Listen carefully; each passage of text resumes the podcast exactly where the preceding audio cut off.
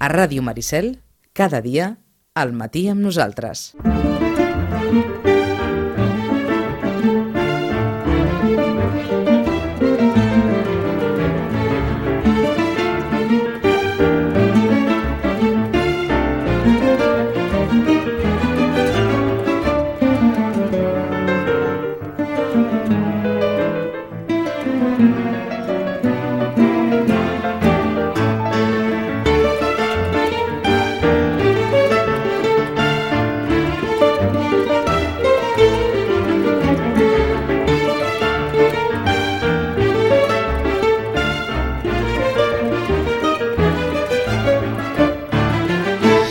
Passat Sant Jordi, Rosana Lluc, bon dia, bona hora.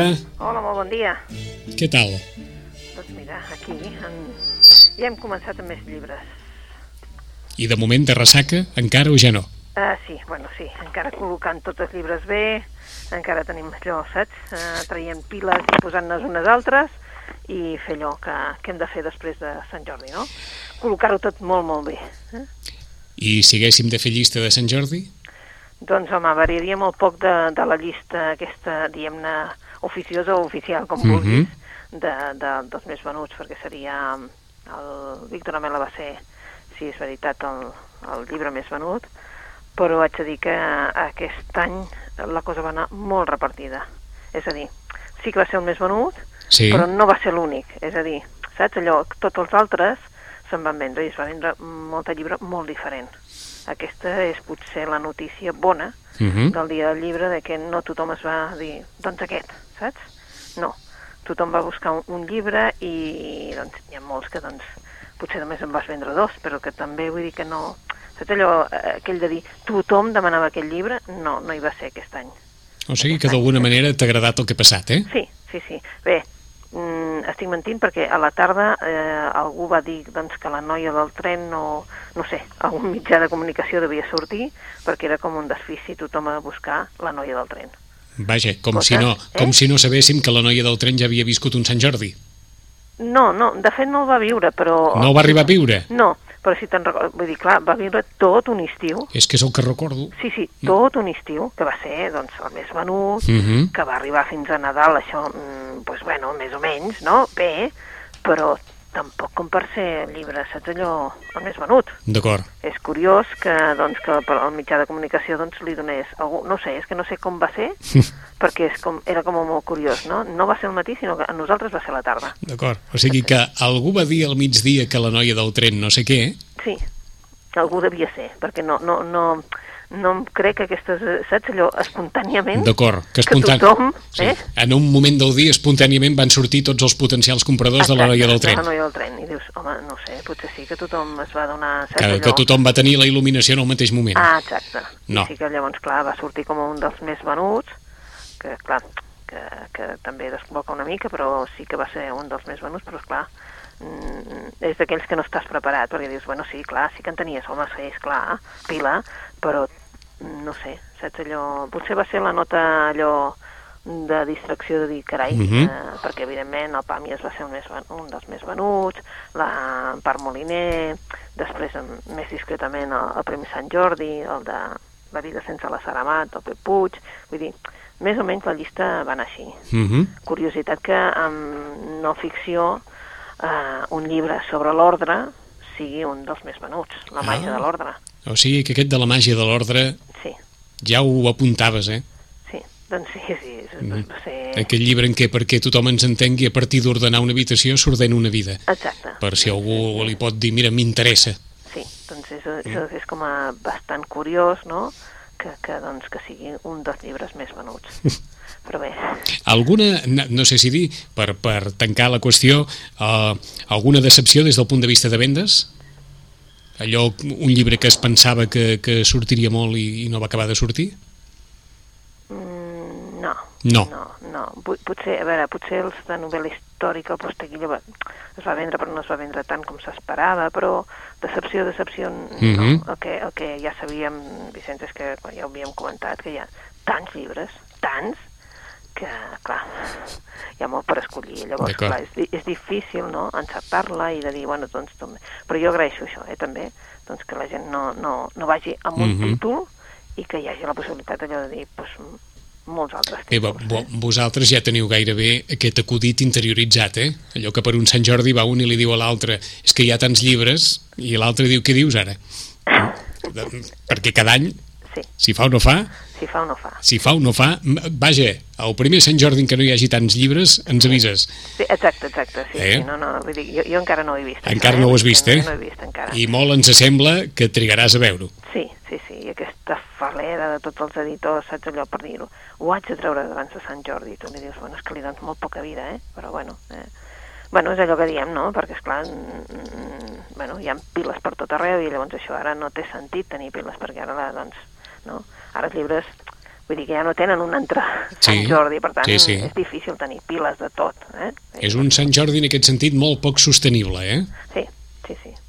Diguem-ne, molt molt, arreuixat i, amb, i molt poc raonat en Exacte, aquest aspecte, eh? Exacte, sí, sí, perquè doncs inclús els llibres que havien s'havien estat venent molt, molt, molt, doncs tampoc no ha sigut, saps, allò que n'havíem comentat, que si els ponts trencats, que Sí, si, saps, sí. que si inclús el de Lluís Foix, eh, que nosaltres el presentem la setmana que ve perquè Mhm. hi ha molta gent que, doncs, que li agradaria parlar amb ell, etc. El de la, el de la porta la porta giratòria. giratòria, aquella porta giratòria, no? Aquelles, diguéssim...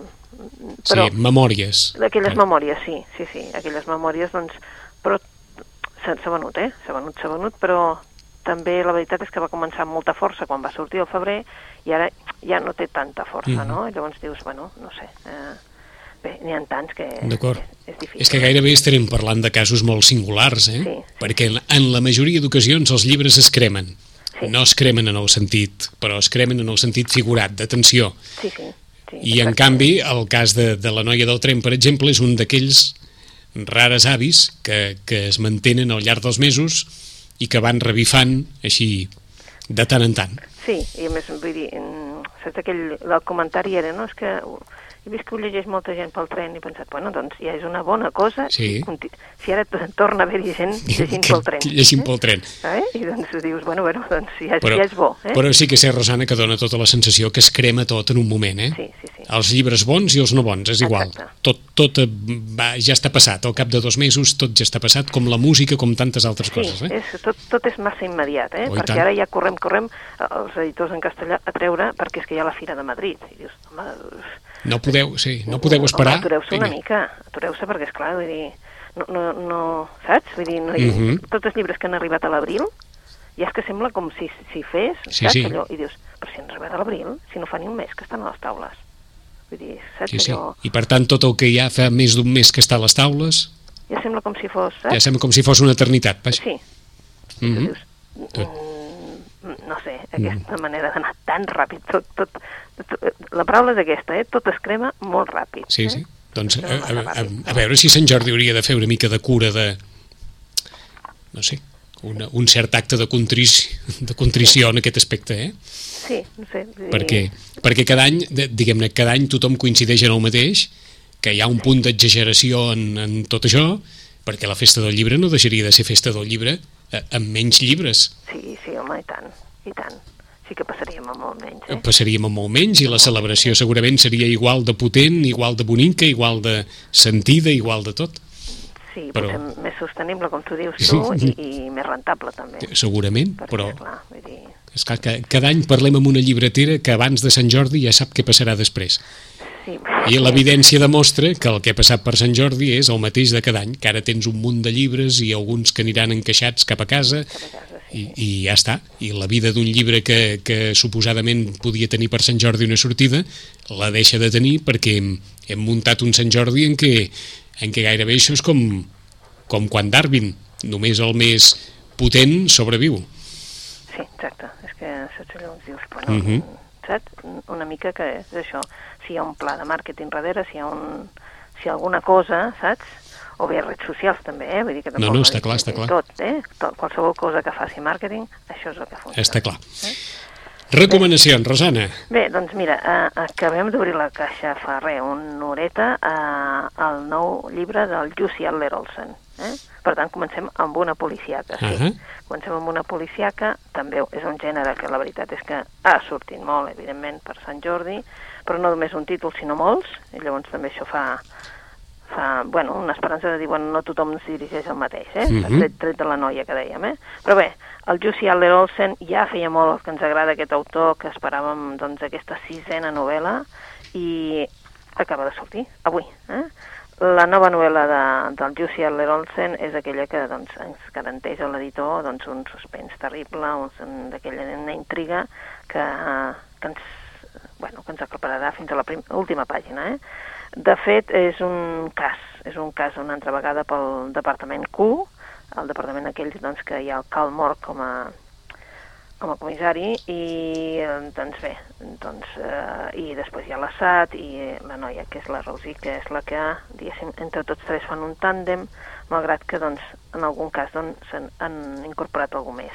I ara tenim un cas d'un comissari, el Christian Habermas, que bé, de fet, que porta molts anys, molts anys intentant aclarir perquè una noia doncs, va aparèixer, l'assassinat d'una noia, una noia que va aparèixer eh, cap per avall, penjada d'un arbre.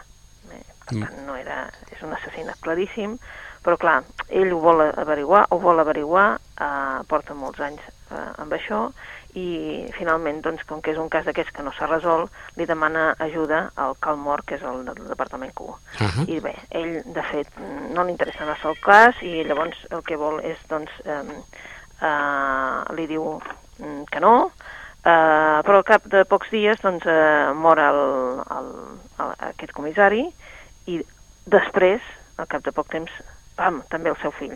Amb la qual cosa, clar, el mort diu, aquí hi ha alguna cosa, no pot ser, i per tant és un, un nou cas pel, pel comissari mm, Cal Morc i el seu equip. Eh? Es traslladen a la illa, eh, la Rose i l'Assad, i allà, doncs, eh, bé, els porten cap a totes les pistes cap a un centre esotèric. Eh? Una acadèmia que fusiona la, amb la natura, que es fusiona amb la natura.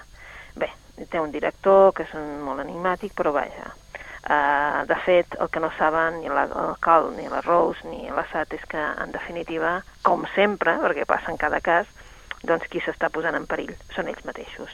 La novel·la es diu Sin límites i sabem que segur, segur, que els uh, lectors del Jussi, igual que jo, ja l'estàvem esperant Mhm. per uh, tenir una bona estona.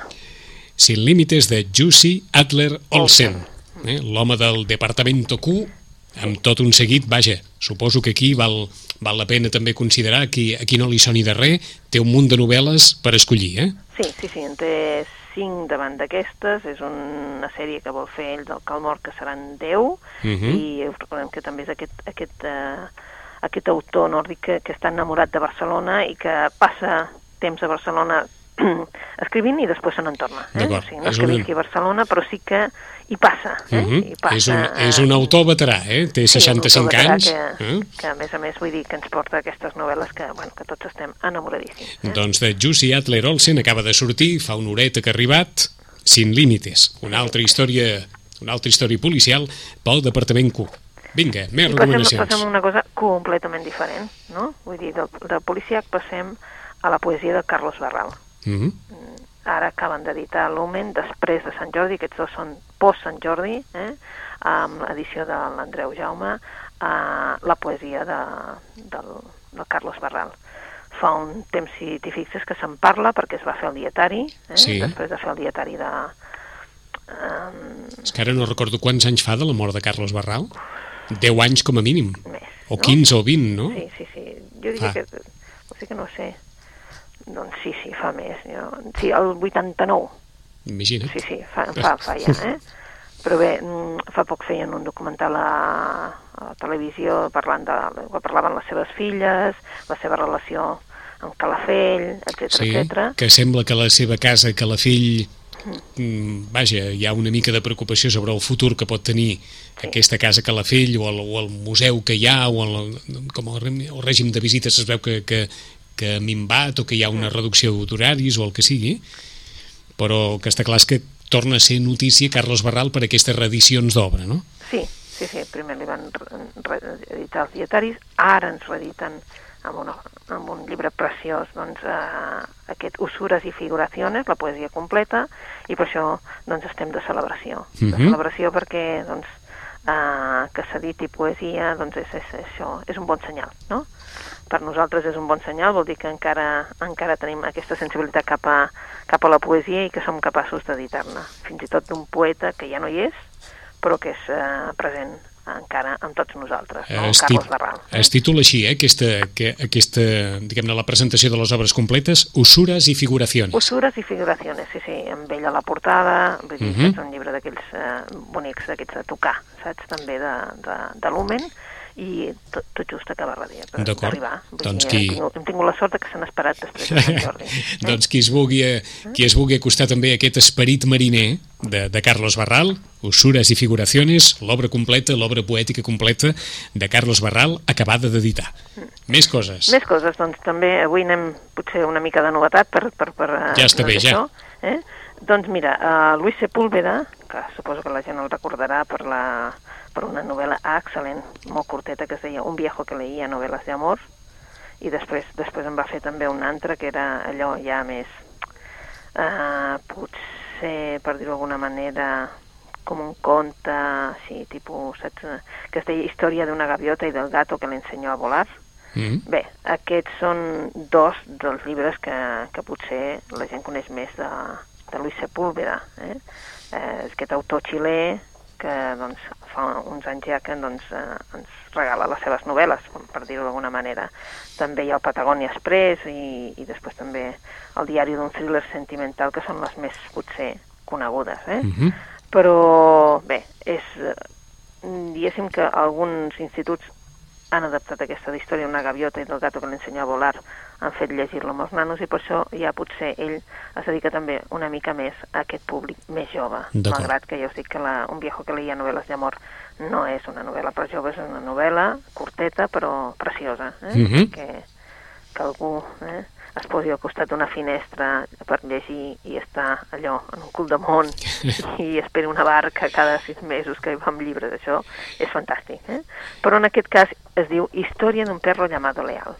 I sí, és un, un conte, per dir-ho d'alguna manera, i ell en el pròleg ja ens explica, el Lluís Sepúlveda, que, eh, que a ell el que li agradava és que el seu avi eh, li expliqués històries, històries de, eh, del poble on eren, i la veritat és que mm, és una, és una re regió de Xile, del sud de Xile, que es diu Gualmapu, eh? Mm. i els, ells són els maputxes, eh?